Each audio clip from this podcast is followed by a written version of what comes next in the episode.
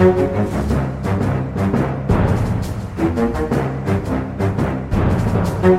Eller du bare går.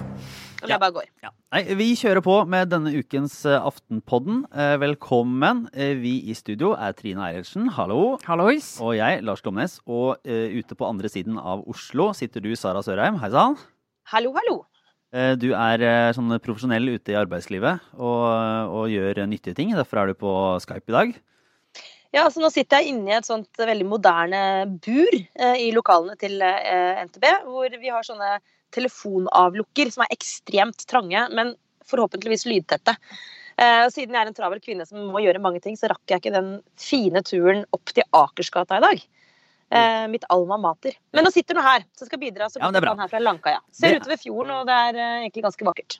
Det er jo en eh, travel uke. Mye som eh, skjer av flere store saker, egentlig. Vi skal snakke litt både om eh, eh, Vy og et, et ørlite reformhjørne på gang, Trine. Mhm. Et jernbanereformhjørne. Eh, Så blir det både litt eh, griseri og svineoppdrett. Litt eh, kunst og milliardærer og litt eh, aksjonisme. Eh, Men det er avsluttende pressekonferanser. Vi startet eh, nedtrappingen, eller er det opptrappingen, der alle de politiske partiene på Stortinget prøver å vise fram hva de har drevet med det siste året. Mm -hmm. Stiller seg opp en morgen, serverer kanskje litt eh, jordbær, et eller annet eh, eh, å spise på. Eh, Ramser opp en liste over ting som de har eh, fortalt før, stort sett. Ja. Det er en liste over seire fra det siste halvåret, eh, egentlig. Eller det siste året. Det kommer litt an på. Men eh, det, det, min følelse er at det er litt mindre interesse for alle disse nå enn det pleide å være. Men er det ikke også litt sånn etter dette halvåret nå, eh, Det kan at det her er Men at det oppleves som at det er færre Generelt sett færre politiske seire å fordele. Ja, ja, det kan du si. Altså, det er så mange som har et eller annet eh, gruff og eh, problemer, at det er veldig få som, eh, som, som kommer med en sånn troverdig, åpenbar skryteliste. Ja, altså listen Hvis du kan tenke deg, Sammenlignet med i fjor på den tiden, så har du mindretallsregjering. Som var avhengig av å finne støtte i Stortinget for å få gjennomslag for sine saker. Så da kunne KrF holde en eh, lang holde en pressekonferanse der de fortalte om alle sakene der de hadde klart å få regjeringen med på det de ville. Og så kunne opposisjonspartiene holde pressekonferanse og fortelle om alle sakene der de hadde fått KrF med på sitt lag og hadde ydmyket regjeringen. I år er det jo ingen av de. Fordi at Opposisjonen har jo da åpenbart ikke vunnet noen ordentlige saker siden jul, for det er jo flertallsregjering som ikke kunne bli stemt ned. Og regjeringspartiene de går nå ikke rundt og snakker om eh, seire og ting de har tapt og vunnet sånn som enkeltparti. Det er jo som regjering de skal på en måte jo stå frem nå. FrP kunne skrytt av at de hadde, hadde gått inn for nye, store veiprosjekter. Det, I fjor vi gjorde de jo det, eh, skrøt av det, men nå er det plutselig ikke så gøy å skryte av det pga. måten de finansieres på. Ja. Altså, en av mine store kjepphester som redaktør faktisk, er å få lagt ned alt som er av faste spalter. Altså, veldig Mange aviser har jo alltid hatt en del sånn faste spalter, og det er et mareritt å lage. For du må finne på innhold. Egentlig helt uavhengig om det har skjedd noe den uken som passer inn i en fast spalte. Men du må liksom ha noe der fordi ja, det er en spalte. Ja. Nå har vi heldigvis blitt kvitt veldig mange av dem, men denne tradisjonen med sånne halvårige pre- pressekonferanser er litt sånn fast spaltemareritt. Altså, vent til dere faktisk har noe å si. Det er, jo helt, eh, det helt latterlig. Det er ikke noe vits i å ha en sånn eh, samle folk. Men eh, kanskje bare vent. eh, Plutselig en dag så er det en reell, eh, nyttig ting som har skjedd, hvor man kan snakke om. Det hadde vært fint. Det er mitt ydmyke ønske til eh, alle disse ja. pressefolka rundt omkring i partiene. Og det kan jo hende at Arbeiderpartiet har tenkt på det. For det, at, eh, det er klart når de varsler at de skal ha sin eh, pressekonferanse, så har jo andre Klassekampen da har jo tenkt at ah, da kan vi ha en fin sak den dagen.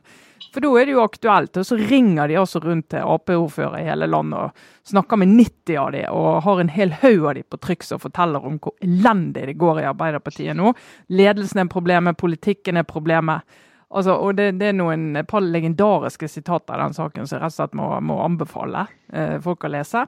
Eh, og det kommer jo, Bakteppet er det jo i tillegg eh, elendige målinger. sant? Altså Nå er på Giske ute av bildet uh, i det store og hele. var det? Det var uh, Han fikk seg et styrelederverv i Folkets hus i Trondheim, heller ikke det uten bråk og tjat. men nå var det jo en, det var jo en ordfører i, i Finnmark vel, som var det sa at ja, nå er Trond Giske godt gift, så da er vel det metoo-greien over.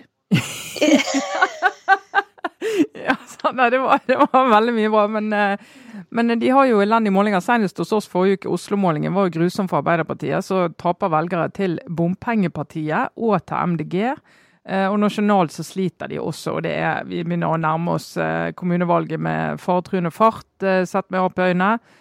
Så det, da blir jo en sånn pressekonferanse handler jo om hvor dårlig det går. Mm. Så du får liksom det... satt det virkelig på agendaen hvor dårlig det går. Det hadde vært like, like, greit å la være. Det, du vet det er dårlig stemning når liksom, selv det å invitere til fest blir til en krangel. Da er det best å bare, bare ikke ha noen gjester, på en måte. Ja. Så ble det jo ikke lettere, for de fikk jo også en av de store sakene denne uka, eh, midt i eh, fanget, også i, i pressekonferansen. Eh, altså denne utsendelsen av denne Abbasi-familien. Eh, altså en, de, de, barna, på, eller, altså barna på 16, 18 og 22, og moren, eh, i det som ble ja, Det ble jo litt kaotisk opplegg, egentlig. fordi det endte jo med en ikke-utsendelse likevel. Mm. Eh, fordi Afghanistan da ikke ville ta imot eh, barna ettersom moren var syk og ikke kom lenger enn til Istanbul. Og så har det vært uh, store protester mot måten dette har vært gjennomført på. Uh, og også i Arbeiderpartiet så kommer det jo da fram på, på, denne saken som flere andre en splittelse. For da var Rita Ottervik, altså ordfører i Trondheim, ute og sa at her bør vi nok kanskje se på asylforliket. Uh, fra 2015, 2015 mm. blir det? Ja, vinteren 2015-2016. Ja. ja. Uh, og se på dette på nytt, for det, sånn kan det ikke fungere. Og Venstre rasla litt og sa at de kunne se på dette på nytt. Uh, men så kommer jo resten av Arbeiderpartiet og sier at nei, nei, nei, det kommer ikke til å skje. Ja, det, står på vårt. Det er en ganske fin illustrasjon, egentlig. Både det som har skjedd med Arbeiderpartiet i Oslo med bompengepartiet og MDG, der de lekker velgere i begge retninger, som de før har hatt. Eh, og eh, denne saken her, altså Innvandringspolitikk er jo en av de vanskeligste områdene for Arbeiderpartiet. Og du kommer rett inn i denne avveiningen, altså innvandringsregulerende hensyn, som var veldig viktig høsten 2015, da vi hadde asylstrøm til Norge. Og flertallet, store, breie stortingsflertallet satte seg ned, laget et forlik der det var viktig å få strammet inn. Men, så du skal veie mot humanitære hensyn. Det, det, det, den balansen, Akkurat i den balansen her på asylområdet er det jo konflikten står. Når skal du si at innvandringsregulerende hensyn eh, trumfer humanitære hensyn? Og I Trondheim så er denne saken blitt illustrert veldig tydelig. Og Da klarer ikke Arbeiderpartiet å tale med én tunge. Eh, og de som er tettest på, så Rita Ottervik, for denne familien holder jo til i Trondheim, eh, og får veldig engasjement for denne familien, som åpenbart har hatt en eh, vanskelig situasjon, men som har fått eh, avslag på opphold. Og i, flere i alle instanser, faktisk, så er mulig å tenke seg i Norge. Eh, og skulle ut. Det har vært tema lenge. Og så blir Arbeiderpartiets rolle blir det fort mer at Nei, vi skal ikke gjøre noe med politikken, men selve utsendelsen burde vært gjort på en annen måte. Og der er Arbeiderpartiet litt for ofte at de skal være kritisk litt sånn til håndteringen og prosessen, men de er ikke egentlig kritisk til substansen og i mm. politikken. Og det er ikke så lett sted å være. Men det er krevende, selvfølgelig, rent sånn menneskelig. Hele denne saken er veldig vanskelig å ikke liksom, se eh, det grusomme i at, eh, at, eh, en av disse er jo fortsatt et barn som er sendt ut, og selvfølgelig det med at moren er så syk, og at du bare det så grelle faktum at hun var bevisstløs under utsendelsen pga. en sykdom, er helt sånn Ja, det er så smertefullt å tenke på for alle som gjør det jo ekstra vanskelig da å skulle være liksom prinsippfast uh, i den samtalen som kommer etterpå. For du vil bli oppfatta som kynisk på grensen til slem hvis man ikke på en eller annen måte uttrykker uh, hvor fælt dette er. da. Uh, men jeg syns egentlig at Astrid Mæland i, i, VG hadde et godt poeng i sin kommentar som vel kom i går ettermiddag. Som, hvor egentlig hennes hovedpoeng er at når regjeringspartiene, og også Arbeiderpartiet, har vedtatt en tøff politikk på dette området, så, så, må de også stå for det i situasjoner som dette. Selv om det er krevende. Men det, du kan ikke liksom flykte fra det. Ja, det, det blir i så fall ren populisme. da, Å skulle liksom gå bort fra det pga. en enkeltsak. Men jeg skjønner jo hvorfor det skjer.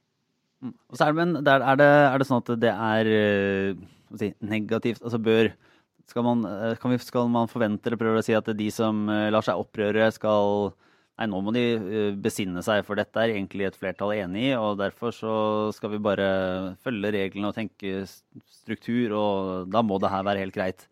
Nei, altså Jeg skjønner at det blir masse diskusjon og debatt rundt dette. Og jeg mener at det er helt, det er helt naturlig å reagere på det. Og at, at eh, folk i Trondheim for eksempel, nå slår ring om den familien og, og, og kjemper deres sak, det er bra. Det er et sunt og godt folkelig engasjement. Mitt poeng nå var egentlig bare at de ansvarlige politikerne som faktisk står for denne politikken, eh, har en krevende oppgave, krevende, men viktig oppgave nå og klare å skille mellom enkeltsaker og de prinsippene de faktisk har vedtatt. Ja, det, ja. det, men det, det, er de helt nødt til å gjøre. De kan ikke ta én sak og si at liksom, denne saken eh, er vi nødt til å få løst på en annen måte, men resten av politikken må, må stå. Det blir, det blir vanskelig. Eh, men samtidig da, så, så jo, har jo jeg sympati med argumentet om at asylforliket ble inngått i en veldig, veldig spesiell situasjon i Norge og Europa, altså med den uh, asyl- og flyktningstrømmen som kom. Og det var et utrolig sterkt behov for å markere innstramming og drive med reell innstramming. Og bli enige. og det, jeg mener jo Det er stor ære til de partiene som var med på det. Var bare SV og MDG som ikke var med uh, på det forliket. Eh, der de klarte å sette seg ned. Eh, initiativ fra Senterpartiet sier at dette er en sak som vi i den situasjonen vi er nå, så er det bedre at vi setter oss ned og lager et bredt forlik på tvers av partiet og regjering og alt dette. Sånn at vi har en politikk som står seg, og at ikke vi driver og lager konflikt på det i den situasjonen vi er i nå. Så klarer de å gjøre det som en sånn slags kriseforlik. Men så er krisen over. Uh, så er det gått noen år, og så vet du at partiene er genuint uenige om en del av denne politikken. Og skal da dette forliket gjøre at du ikke skal kunne jobbe med den uenigheten og eventuelt videreutvikle politikk eller, eller endre på politikk. Det synes jeg, altså, Du kan jo ikke bare si at du skal være låst til det i evig tid. Selvfølgelig pussig når to regjeringspartier, tre regjeringspartier sier at de vil, eh, vil endre på det, at initiativet nærmest kommer derfra. Uh, men også at stemmer i Arbeiderpartiet og, og de som er med på forliket, at de kan løfte det. Det syns ikke, ikke jeg er rart, da. Mm. Men du sa, Nei, men, ja. Men, fordelen med det, Trine, er at hvis, du, hvis, det er den måten debatten føres på, da, da er det på en måte et, et, mye bedre spor. For da er det med utgangspunkt i at ja, det er en enkeltsak som har utløst diskusjonen, men det vi diskuterer, er eh, de underliggende prinsippene. Ja, det er jeg enig i. Og, og du kan ikke gå inn og si at nå skal vi gjøre et unntak. Da må du liksom gå inn og si at da må vi behandle saken på nytt. Men denne saken har jo faktisk vært behandlet opp og ned av stolpe i alle instanser som er mulig å tenke seg. Du sa Trine, at dette viser noe av, eh, av utfordringen for Arbeiderpartiet og Jonas Gahr Støre. Fordi det deler altså et av, et av de mange tingene som, som deler partiet. Og, og, man så jo i den saken i Klassekampen at, at uh, ordførerspråket og må, måtte, de innvendingene de hadde der det, Man ser, ser, det opp mot liksom partiledelsen, så ser du det er ganske det er strekk. da. Det er jo, det er jo et annet utsyn. Og uh, flere av de tingene som påpekes der, er kan jo skjønne at det er litt vanskelig å sitte innafor et parti hvis man mener de tingene som, eh, som er sagt i det, i det intervjuet, altså som går på en, sånn, eh, en, en orientering mot, uh, mot, distriktene, mot sentralisering, mot en del av reformene som Arbeiderpartiet har gått inn for.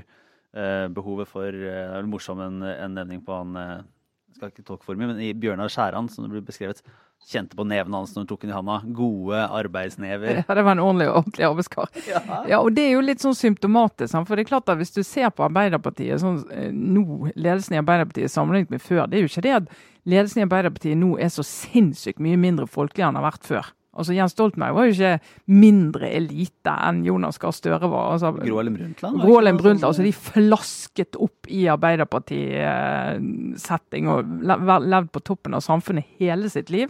Eh, mens nå blir det et stort problem. Og det er klart det går an å diskutere Støres evne til å kommunisere. og eh, Jeg merket meg jo at Hadia Tajik var vel ikke nevnt i den saken. Altså De bare snakker om at vi har ingen andre. Det fins mm. ingen kandidater. Uh, Giske er dessverre litt uh, ute av spill, men noen av oss ville jo gjerne nevnt han igjen og burde ha en sentral rolle. Men hun blir faktisk ikke nevnt.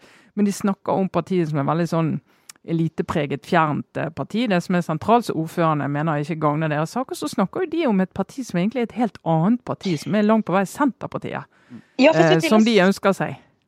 Ja, det jeg begynner å lure på, er liksom hvilket, ja, nettopp hvilket parti er det egentlig de snakker om? Og hvilket parti er det egentlig Hadia Tajik er nestleder av? Altså det, det, det, er to helt uh, ulike tilsynelatende to helt ulike kulturer og to helt ulike partier. Ja, Og kanskje er det Trine, kanskje er det Senterpartiet, altså? Ja, og så er det jo litt fascinerende. fordi at Arbeiderpartiet har jo vært med på en del av forlikene, eller sånn eh, reformene. Sånn som politireformen og en del andre reformer som, som de har liksom støttet. Og så skal de samtidig være kritiske. Det var mange av disse ordførerne veldig kritiske til sentralisering. Og så de har på en måte kjøpt hele Senterpartiet sin retorikk. Så Arbeiderpartiet ved å både være med og være kritisk, så er de, de er på en måte med på det som de er kritiske mot. Det er en, akkurat som innvandringspolitikken. Det er nesten et umulig sted å være. Det er mye lettere å være Vedum enn å være Støre. Så Vedum er jo mot alt, mer eller mindre begrunnet. Eh, men Støre og Arbeiderpartiet skal prøve å balansere litt. Og så sitter ordføreren der ute og tenker å gud, tenk hvis de kunne være litt mer som Senterpartiet. Det hadde vært lettere. For de skal jo på en måte sitte der ute og være en del av den retorikken. Å, det er så mye sentralisering, det er så mye sentralisering. Så ja, men hva skal dere gjøre med det, da? Og så, og så, er det ikke så mye å gjøre med det, sant? når ikke du har det som din viktigste sak i livet. Og det har jo Arbeiderpartiet aldri hatt. Jeg skulle gjerne likt å sette en analyse av um, altså, Hvis du ser på liksom, alle Arbeiderparti-velgere, for akkurat nå er det tidens eh, melodi å snakke om uh, kampen mot sentralisering. Tenk på den ACER, eller ACER-saken, eller hvordan den uttales, som jo splitta Arbeiderpartiet akkurat i disse to langs denne konfliktlinja her. Men men eh, nå er det jo de som, er, som kjemper mot uh, sentralisering osv., som ligner litt på Senterpartiet, som, som er, har de sterkeste stemmene. Det er, det er, den opposisjonen internt i partiet vi hører mest fra. Skulle likt å visst hvor representativt det er for den generelle Arbeiderparti-velger. Uh, og uansett så vil det være en veldig det er veldig vanskelig for Jonas Gahr Støre, sannsynligvis også sånn personlig, men også, men også, rent sånn strategisk, å skulle gå for langt i den retningen og risikere å, å sannsynligvis da, miste ganske stor del av velgerne på den andre siden. Så Det er en vanskelig balanse. Hørte jo noen av innsigelsene bare sånn Nei, Støre må være tøffere, han må være hardere i retorikken. Og så husker vi han fra valgkampen eh, i eh, altså sist, i, ja. i, 2017, at han prøvde seg i noen av de debattene å være litt sånn ord... Uh, egentlig ble jo sett på som å være god i de debattene, men tøff mot Erna Solberg. Mm. Og var litt sånn frekkere og ville være tydeligvis offensiv. VG kalte han vel for Tøffe-Jonas, tror jeg. ja, sånn, ikke sant. Og ja. han ville, ville, vise for velgerne sine, og jeg skjønner jo det baklandet er de ordførerne som ber ham å være sånn, men uh, det betalte seg jo ikke veldig, og analysen i etterkant var jo delvis at, at, at det kanskje ble oppfatta som enten litt frekt, eller at han på en måte Det, det, klad, brøyt, det kledde han ikke helt, sant? Nei, ikke sant. Og den, uh, den balansen er jo veldig vanskelig hvis det står et, et, eh, et ordførerkorps bak og sier at liksom kom igjen, eh, slå til, vær Vær Vedum. Ja. Vær Vedum, det, det, er jo det de sier. Vel, eh, det har vi vært innom flere ganger før, at det er ikke, noe, det er ikke alle forut eller belemret med å være Vedum. Eh, det, Nei, og det, og det faller jo slett ikke alle like naturlig. Nei, eh, Nei og, og, så går det jo an å tenke seg, da. Altså den, fordi nå handler det jo for en gangs skyld ikke så mye om personal, men om politikk i, i Arbeiderpartiet. Og Si da at Jens Stoltenberg har vært leder av Arbeiderpartiet nå med de sakene som er på agendaen, og den politiske situasjonen vi har og det som skjer blant velgerne både på klima, altså bompenger, samferdsel og innvandring. Det er ikke gitt at han hadde ledet et 30 %-parti, han heller. Sånn at jeg tror folk må liksom ikke lulle seg inn i at det Og hvis bare han hadde vært tydeligere. Så han må jo snakke om noe tydelig for å være tydelig. Men eh, vi går videre til en av ukens andre store eh, snakkiser og temaer. Eh, for nå har Vy, vårt alle kjæres eh, nasjonaleiendom, vært ute i nok en, uh, en, anbudsrunde, denne gang for uh, toglinjene og togdriften nord for altså, er det, det, er nord for Oslo i praksis? Alt? Ja, altså, Norge er jo delt vel i fire på dette togområdet. Nord, vest, øst og sør. Det sa du med veldig så, så, det sa du med så lite selvtillit, Trine. ja, ja, det tror jeg må, må sjekke det. Men ja, mm, nord, nord altså, sør, øst og vest, ja. tror vi, og sør. Eh, allerede så har jo eh, Vy da tapt anbudsrunden om driften av Sørlandsbanen. Ja. Eh, som går gjennom mitt kjære Bø til dette britiske Go-Ahead. Mm. Uh, nå... Hva er det med de navnene her? Altså, bare skjerp dere. Helt ja, men, er, men de er jo britiske, da. ja.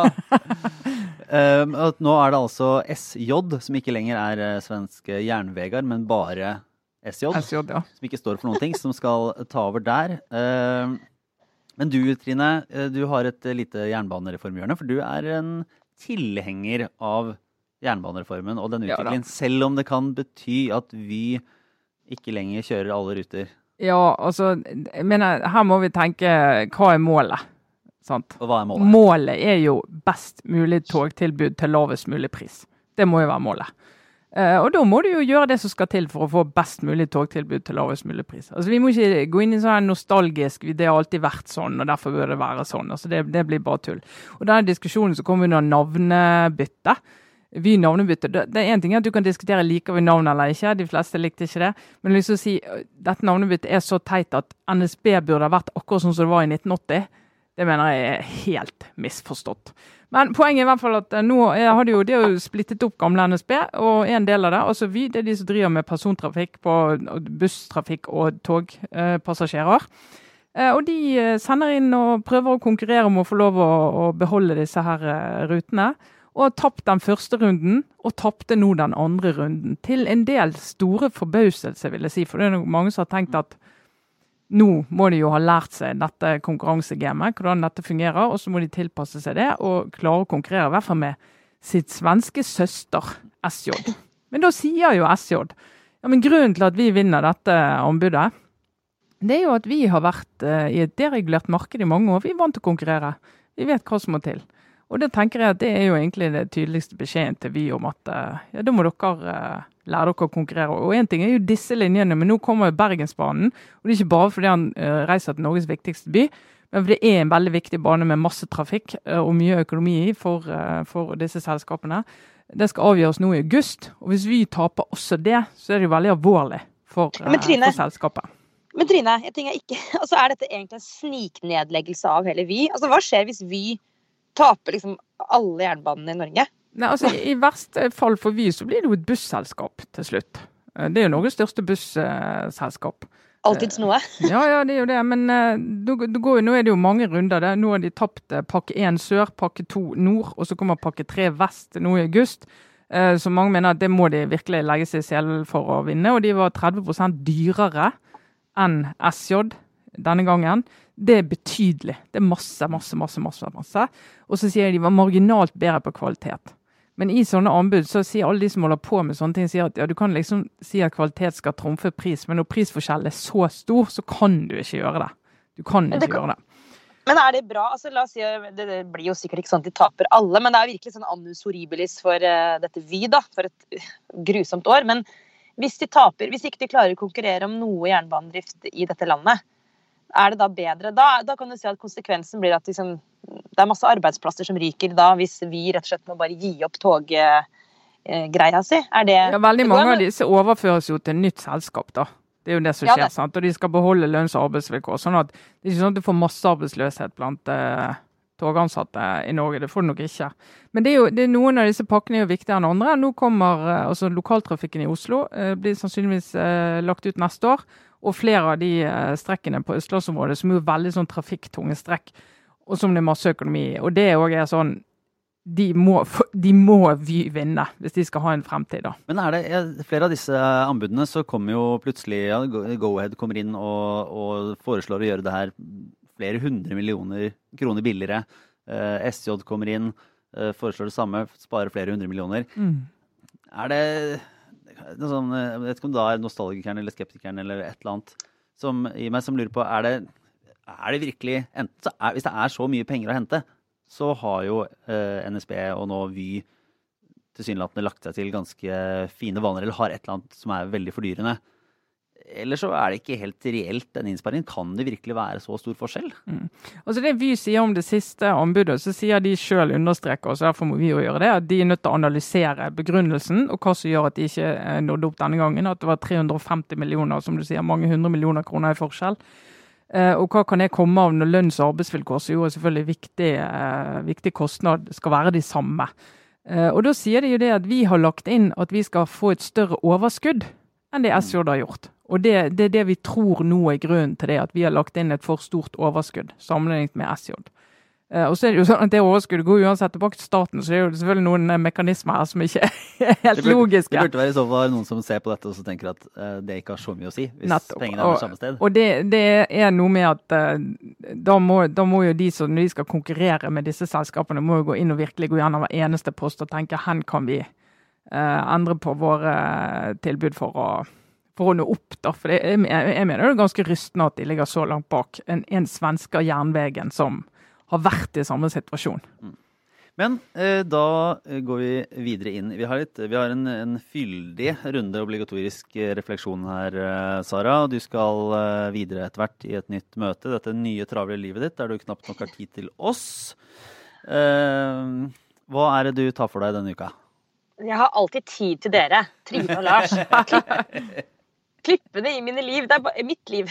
Det er bare kanskje litt mindre av den tiden. Men Nei, nå eh, denne uka jeg har egentlig, Det er egentlig mange ting jeg faktisk har fått lest denne uka som jeg syns er, eh, er, bra, som jeg egentlig hadde tenkt å anbefale. Det skal jeg ikke gjøre, fordi det er et bilde folkens, som dukket opp i min Facebook-feed i dag. Som er utgangspunktet for min eh, obligatoriske refleksjon denne uka. Og det bildet, det, bare for å si det først, det er et bilde som, som er så grusomt å se på for sånne folk som jeg vet mange tenker at jeg er. Sånne folk med veldig høy kulturell kompetanse, veldig glad i samtidskunst. Altfor lite utenfor Ring 3. drikke drikker kaffe latte. Bare kjør på med sånne fordommer og sånn kultur, kulturdammer i Oslo. Mm. Får et slags allergisk anfall av det bildet som jeg nå skal prøve å beskrive. Det er bildet av direktøren for Nasjonalmuseet og hennes eh, sjefskurator, altså Karin Hinsbo og Stina Høkvist, Eh, to suverene, flinke damer som da driver eh, de to viktigste for, for Nasjonalmuseet. Det nye som skal bygges på, på, Vestbanen. Det er et bilde hvor de to poserer sammen med eh, søstrene Fredriksen. Altså døtrene til jeg, jeg, bare, jeg, jeg venter i, i, sånn spenning og en viss nervøsitet på hvordan denne karakteristikken skal fortsette, men rull i vei. Nei, det er bare det at dette bildet her altså de, de, har på seg veldig, de, har, de tilhører veldig åpenbart to helt ulike kulturelle sfærer eh, søstrene Fredriksen og disse to eh, eh, som representerer norsk kunstliv. Samlet i dette bildet så treffes da eh, rett og slett altså det, er en, det er en kollisjon mellom det du veldig enkelt kan kalle gamle og nye penger. Eller hvis du vil, kulturell kapital møter hard cash, nye penger.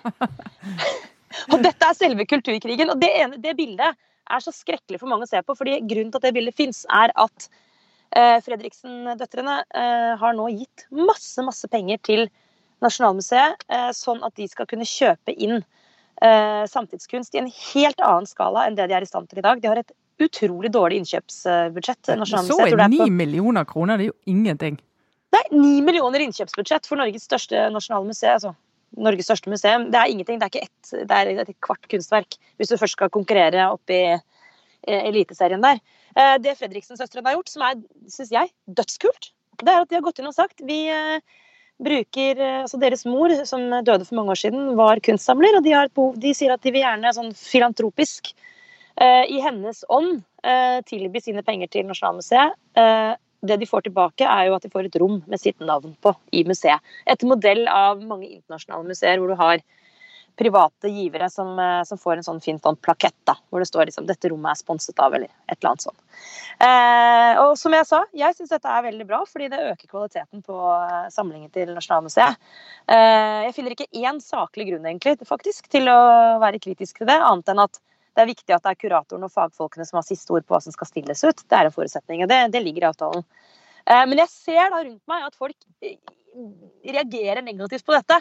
Og min muligens litt arrogante, men jeg tror presis analyse er at det kan spoles tilbake til at eh, kulturfolk får allergisk eh, sjokk av eh, for mye nye penger sånn, som uttrykker seg visuelt.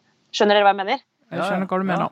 Ja. Men eh, hvor, hvor, mye penger de Fredriksen går inn med? Er det ja, det, jeg husker ikke summen i hodet, men det er betydelig. Altså, vel, ja, ja, altså, det er flere, mange flere millioner enn det som tilsvarer et år, årsbudsjett for Nasjonalmuseet. Og over flere år, en langsiktig investering. Så er, det, det er en virkelig sånn betydelig gave til museet. Og det kommer, kommer, til å komme alle besøkende til gode, for vi kommer til å få uh, mer kunst av høy kvalitet i museet enn vi ville gjort uten. Ja, og De skal jo bidra til at de kan eh, lage større utstillinger og reise ut. Og, ganske, og forskning skulle de være, med og støtte. Og, så det virket jo veldig sånn veldig svært og detaljert over mange, mange år. Så det var nei, det er imponerende. Men det er jo denne, eh, som du sier, denne uavhengigheten. Eh, at det ikke da er privatpersonens smak som skal dominere samlingen, men at det faktisk er en faglig vurdering. Så, jo, så lenge det er sikret, så er jo det ja, dette er jo rett tilbake til det Husker dere den uh, diskusjonen om uh, skulpturparken til Christian Ringnes oppe på Ekeberg? Denne, denne, skulpturparken til kvinnens ære. Det ble det jo utrolig mye debatt rundt, fordi han som, uh, som privatpraktiserende milliardær bestemte seg for å liksom bare gi denne gaven til et sånt område som er et mye brukt turområde, som er en allmenning som tilhører alle. Og der ble det jo utrolig mye rabalder, fordi eh, skulle han liksom tre sin private smak nedover hodene våre. Det endte jo med eh, at vi fikk Skulpturparken, men han set, satte ned et sånn kunstnerisk råd som sto for liksom, utvelgelsen av verkene der. En slags sånn uavhengig og på en måte faglig sterk eh, jury. da. Og jeg syns jo den skulpturparken har blitt veldig veldig fin. Det er et flott område å være i. Eh, men det er klart at det, det er litt viktig at og En ting er nå Ekeberg-Åsen der, men særlig Nasjonalmuseet, som er vårt museum at ikke du kan kjøpe deg plass der. At du ikke kan måte, kjøpe deg inn der sånn, uten at du har kunstfaglig bakgrunn og bare får bestemme hva som skal være der. Det, det mener jeg er et veldig viktig prinsipp. Min holdning ville vært noe helt annet hvis det viste at Fredriksen-døtrene bare fikk kjøpe seg en del av museet og fylle det opp med hva de ville. Mm. Eh, det, ville vært, det, det, hadde ikke vært bra. Men, eh, men, at de går inn som det som egentlig er å være en mesen. Som jo i veldig mange andre land er den vanlige måten å finansiere kunstmuseer på, fordi de ikke har den statlige støtten som vi har i Norge. Det mener jeg er helt uproblematisk og veldig viktig, et veldig viktig tilskudd til norsk kulturliv. Jeg syns mange flere burde gjøre det. Men, men jeg, er veldig, jeg, er veldig, glad for at Fredriksen-søstrene liksom uttrykker liksom tydelig at de har respekt for at de ikke er eh, liksom, fag, fagfolk på den måten. Ja. ja. Enig. Jeg dukka kulturredaktøren opp. Laser, laser falt av, kan jeg melde. Nei da. Jo da. Ja, ja. Uh, ja, ja. Men altså, hvis man må uh, velge hva man skal engasjere seg i, om jernbanereform eller uh, hva som skjer på Nasjonalmuseet Sorry, Trine, men da, da er det den siste delen du har Det er der jeg kjenner jeg er med tross alt. Jeg er med deg, Sara. Ja. Jeg er med deg. Men Trine, du har også en, noe input til refleksjon. Jeg er oppgitt. Jeg er oppgitt. Ja. ja. For det at uh, nå uh, det, her er, det her er sosiale medier, uh, nye, moderne offentlighetens store problem. Det er at folk rett og slett ikke følger med. Men de er like engasjert, men de klarer ikke å følge med. og nå kom det også at ABC-klinikken, det er den fødeavdelingen på Ullevål sykehus der du kan, sånn som Storken i Bergen, der du kan føde hvis du har, eh, ligger an til å ha et uh, helt ukomplisert svangerskap. Du ikke trenger egentlig hjelp av uh, lege i noe særlig grad. Og du trenger ikke bedøvelse. altså Du føder naturlig, men med støtte fra helsepersonell. Eh, der skulle de altså ta vekk en svangerskapskontroll derfra. Så de flytter rundt på ressursene. De ville heller bruke den ressursen eh, på den andre avdelingen, der de andre gravide er, som kanskje enten må få satt i gang fødsler eller har, ligger an til å ha komplikasjoner. De vil ha mer ressurser der. Og det er noen sånne endringer som sykehus gjør. Men så er det akkurat dette området her er jo kjempehot for tiden. Det finnes jo en egen bunadsgerilja som vi har snakket om her før, som er opptatt av det nasjonale fødetilbudet. Kaster seg på, mobiliserer til demonstrasjon under tittelen at ABC skal legges ned, blir det liksom mobilisert til. Demonstrasjon er det hele, uh, og så viser det seg jo at ABC skal jo ikke legges ned på noe vis. Og så har jo NRK laget en nydelig sak hvor de går inn på Eh, Facebook-oppdateringen til lederen av Bunadsgeriljaen, så åpner med å si at ja, nå skjer det igjen, nå legges ABC ned. Så går det et par timer, så justerer hun. Eh, nei, nå er de begynt å gjøre endringer som kommer til å ende med at de blir lagt ned. Og så til slutt eh, Han blir ikke lagt ned akkurat nå, men, men, det er jo det som kommer til å skje. Det vet du jo. Så kommer å demonstrere. sant? De er i gang med å bygge ned tilbudet. Eh, og så viser det seg, og, og klinikkledelsen helt sånn Herregud, hva skjedde? Hvordan, hvordan, havnet vi her? At det ble påstand om at vi skulle legges ned. Og så klarer du også en offentlighet og disse her å få det til. Altså en endring, en flytting i en ressurs, blir til en nedleggelse. Og det mener jeg, de som, Hvis du er leder av Bunadsgeriljaen og har fått så mye innflytelse som du har fått i den uh, debatten som har vært nå, så har du en plikt til å være faktaorientert og vite at det du holder på å mobilisere på, er riktig. Og det her, vet du hva, det her holder ikke. Livredd, tenkte at det nå, nå har det vært nedleggelser uh, over hele landet. Dette er vår sjanse til å kjempe for noe som er vårt. Endelig kan vi få Oslo-folk i bunad ja. utenfor ABC fordi at de skal flytte en ressurs. Og, og, og, og denne kontrollen her foregår jo på helsestasjonene. Jordmødrene ute på helsestasjonene, kommuner som har ansvar for det. Eh, så det er ikke det at dette tilbudet forsvinner på noe vis. Det, nå skal jeg komme, jeg, Mens jeg fortsatt er her, Trine, så skal jeg bare si, at, eh, si to ting. Det ene er at den svangerskapsomsorgen jeg, Du har helt rett, tilbudet ivaretas. Det er ikke nedleggelse. Men, men, bare så jeg har sagt, det å kunne gå til sånn svangerskapskontroll på samme sted som du faktisk skal føde, det, er, det, er veldig, altså det forsvinner nå fra ABC-klinikken. at du Tidligere, hvis du, skulle, hvis du fikk fødeplass der, så fikk du også gå og snakke med jordmor der under svangerskapet. Mens nå er det, to, er det delt opp. Så du går til veiledning på helsestasjonen, og så går du og føder på sykehuset. Akkurat det det er ikke ekstremt viktig, men for mange er det litt viktig. Og for mange kvinner som er redde før fødsel og sånn. Så det var en fin ting for mange. Så faktisk synd at det blir borte, men det kan godt hende at det er helt rasjonelt å gjøre det. Men bare så det er sagt, da. Men det andre jeg vil bare si, er at jeg har født et barn på ABC-klinikken. Og eh, det skal ikke undervurderes. Eh, det var høyst ufrivillig for øvrig. Eh, jeg vil gjerne ha alt verden kan by på av dop eh, når jeg skal gjøre noe sånt. Det fikk jeg ikke. Men eh, verdien av å kunne skryte av at man har liksom født uten smertestillende, skal ikke, det skal heller ikke kimses av, faktisk. Det, så det, det, vil jeg si at det var det verdt. Ja, det, det, var det, verdt. Ja, det, det, der er jo status. Jeg, jeg fødte jo i avdelingen ved siden av, for jeg skulle overhodet ikke inn. Hadde altfor lite ledninger og kjemikalier for min del. Men jeg fødte også, kan jeg si, Sara, uten smertestillende, og det var jo på alle måter ikke meningen. Men jeg skulle ut derfra, da, så sier hun eh, jordmoren ja, men du kunne jo ha født på ABC. Litt sånn tenk så kul du kunne vært. Så tenkte jeg ja, men jeg har jo ikke lyst til å føde på ABC. Hvorfor sier du dette med? Det er jo helt meningsløst. Men det, til, det er jo en sånn rangering. sant?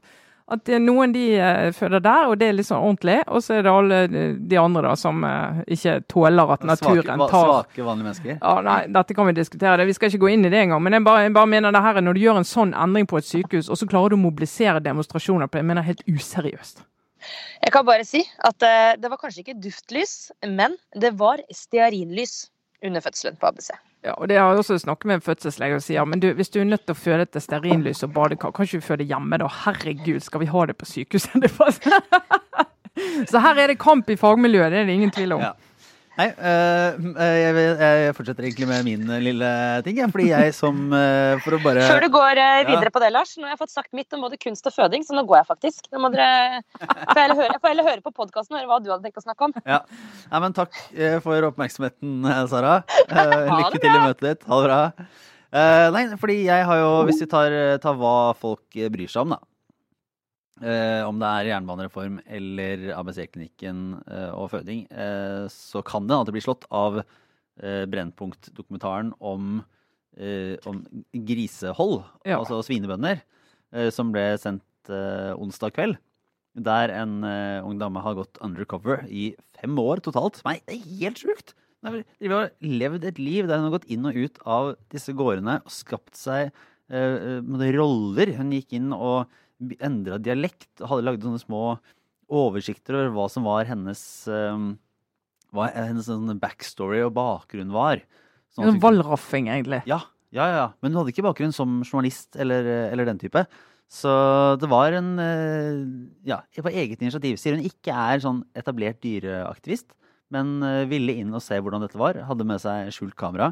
Eh, Filma på en sånn 10-11 gårder. Eh, og Brennpunkt har da klippet dette sammen sammen med et uh, produksjonsselskap. Uh, jeg tror uh, Og viser jo Det er jo forferdelige scener, da. Det er jo Så du det, Trine? Nei, jeg så ikke det. det var mange praktiske grunner, men så er jeg jo utrolig glad i bacon. Ja. Og, det, og det, er jo Hva skal jeg si Det her ligger jo motstanden i denne lille historien, da, og spenningen er jo at Eh, vi får et innblikk i noe som vi kanskje eh, har mistenkt at ligger der. At, den, altså at industriell kjøttproduksjon er mer brutal og mindre ja, de reklamefilmene som du viser, altså av sånne små lykkelige griser som løper rundt på gresset, og kyr i solnedgang og alt dette, ikke nødvendigvis er den vanlige virkeligheten. Og så, så skal vi jo ikke trekke det så langt og si at dette er altså, Det som blir vist i denne dokumentaren, er jo øh, er jo ting som er, uh, er over grensa. Og det, det, er ikke nødvendigvis representativt for alle gårder. Og, så vi skal ikke eh, svartmale hele den industrien. Men noe av det som var mest fascinerende i det hun viser hvordan dyrene blir uh, på en måte, En ting er sånn fysisk dårlig behandla, de tar ikke helt hensyn til altså sykdom, avliver ikke på en ordentlig måte. Behandler dem veldig dårlig. Men det jeg kanskje syns var mest fascinerende i den dokumentaren, er hvordan de de var så utrolig ærlige, de som uh, Tilsynelatende de, uh, altså de bøndene hun var på besøk hos. Mm. Sånn at det var litt sånn Ja, det her er jo ikke helt lov, da, men eh, sånn pleier vi å gjøre. Ja. Eller dette er jo sånn cirka lovlig. Og eh, var sånn Ja, Mattilsynet vil jo helst at vi skal gjøre det på den måten, men ja, jeg pleier nå Og så var de var, så, de var så imøtekommende med disse regel- og lovbruddene sine at det var helt sånn Men snakker dere sånn til alle? Det, ja, det fremsto ikke som et uhell, liksom. Nei, egentlig ikke. Og det var jo noe Den ene som var, eh, var gjengitt der, var jo tilsynelatende veldig pedagogisk i eh, For hun kom inn under rekka av å, skulle lære seg grisehold for å kunne starte noe sjøl. Og gjennomgangen var tilsynelatende veldig pedagogisk, men også usedvanlig på sånn brutal eller lepfeldig og erkjennende på at de ikke klarte å leve opp til, opp til standardene som, som er, da. Og da er jo den Neste diskusjon er jo hvorfor gjør de ikke det? Er det prispress som gjør at du ikke kan drive si, humant, men altså etisk forsvarlig? Eh, eller er det rett og slett egentlig mulig, men noen bare ikke er i stand til å gjøre det? Og bør de da få lov å drive videre? Nå er det jo vanskelig, og det, det skal jo sies å, å, danne seg et helt bilde når man ikke Jeg har ikke noe spesiell bakgrunnskunnskap om om uh, svineindustrien i Norge. Altså, så jeg skal ikke komme her og, og, påstå at jeg ser hva som er galt basert på en dokumentar.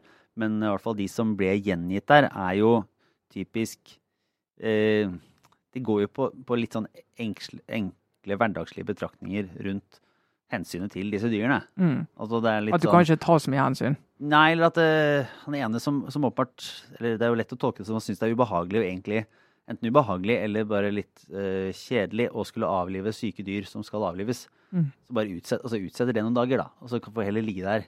Ja.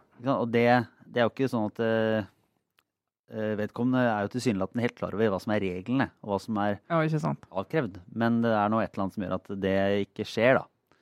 Uh, og, det, og det har med prispress altså det Nei, nei, det er sant. vanskelig å si akkurat å, å peke på, på, den årsaken noe mer enn en individuelle ting eller, eller annet. Men, Men, jeg tenker som forbruker da, så vil jeg jo være utrolig opptatt av å få vite at det baconet jeg spiser, kommer fra et sted der du vet at dyr har hatt det bra. Så vet jeg masse diskusjon om disse merkeordningene og hvor mye du skal stole på de, og det er masse manipulering også i de områdene der. Men det er jo, det er jo liksom forbrukermakt som eh, Og generelt så er jo maten, eh, maten er jo for billig. Mye mat ja. som altfor billig. Ja, eller det sies altså norsk eh, forbruk, altså andel av eh, lønnsinntekter som brukes på mat, er veldig, veldig lav. Mm. Så det kommer nok helt sikkert en videre debatt om ja, hva man bør spise, og hva som faktisk er grep å tas. Men det er jo det er jo selvfølgelig vanskelig, men betimelig som forbruker og kjøttspiser å se litt den se hva skal si, resultatene av systemet, da. Eller ja. hva som finnes innenfor systemet, i hvert fall. Så er jo dilemmaet for bondeorganisasjonene som de kan jo ikke akseptere at dette er representativt for virkeligheten. For da sier de jo de at en hel haug med folk egentlig Hvis ikke de har de problemene, så kommer de til å få det. Mm, ja. Samtidig som de skal argumentere for at vi bør betale mer for maten, sånn at du har mulighet til å drive ordentlig og skikkelig. Ja, og, så det er, ikke, det er, ikke, så lett å argumentere for noe av det. Nei, og så er det jo ikke sånn nødvendigvis at folk som f.eks. har sett dette, tenker at uh, disse bøndene burde få Altså, systemet er så råttent, det er så vanskelig, at de som driver sånn, burde få mer penger. Nei. Det er jo det den umiddelbare følelsesmessige reaksjonen etter å ha sett noe sånt, er jo heller at de ikke burde få noe De burde jo ikke få drive i det hele tatt. Ja, og, og hvis, hvis, da argumentasjonen er på et sånn uh, samfunnsnivå at uh, hvis ikke de får mer penger, så driver alle altså, Ja, nei, det går jo ikke, så sant? Henger ikke det heller sammen, da. Uh, men da tror jeg vi avslutter med det. Det nærmer seg jo en sommer, men vi holder vel gående en liten stund til? Ja, jammen. Tror du det? Ja. Vi får se om vi rekker noen avsluttende pressekonferanser, og ser om det er noen som har grunn til å skryte av store mm, politiske gjennomslag og seire. Eh, de vil nok forsøke det også i ukene som kommer. Og så er vi tilbake. Sara Sørheim var med, men hoppet av gårde. I studio her var det Trine Eilertsen og jeg, Lars Glomnes. Ha det bra.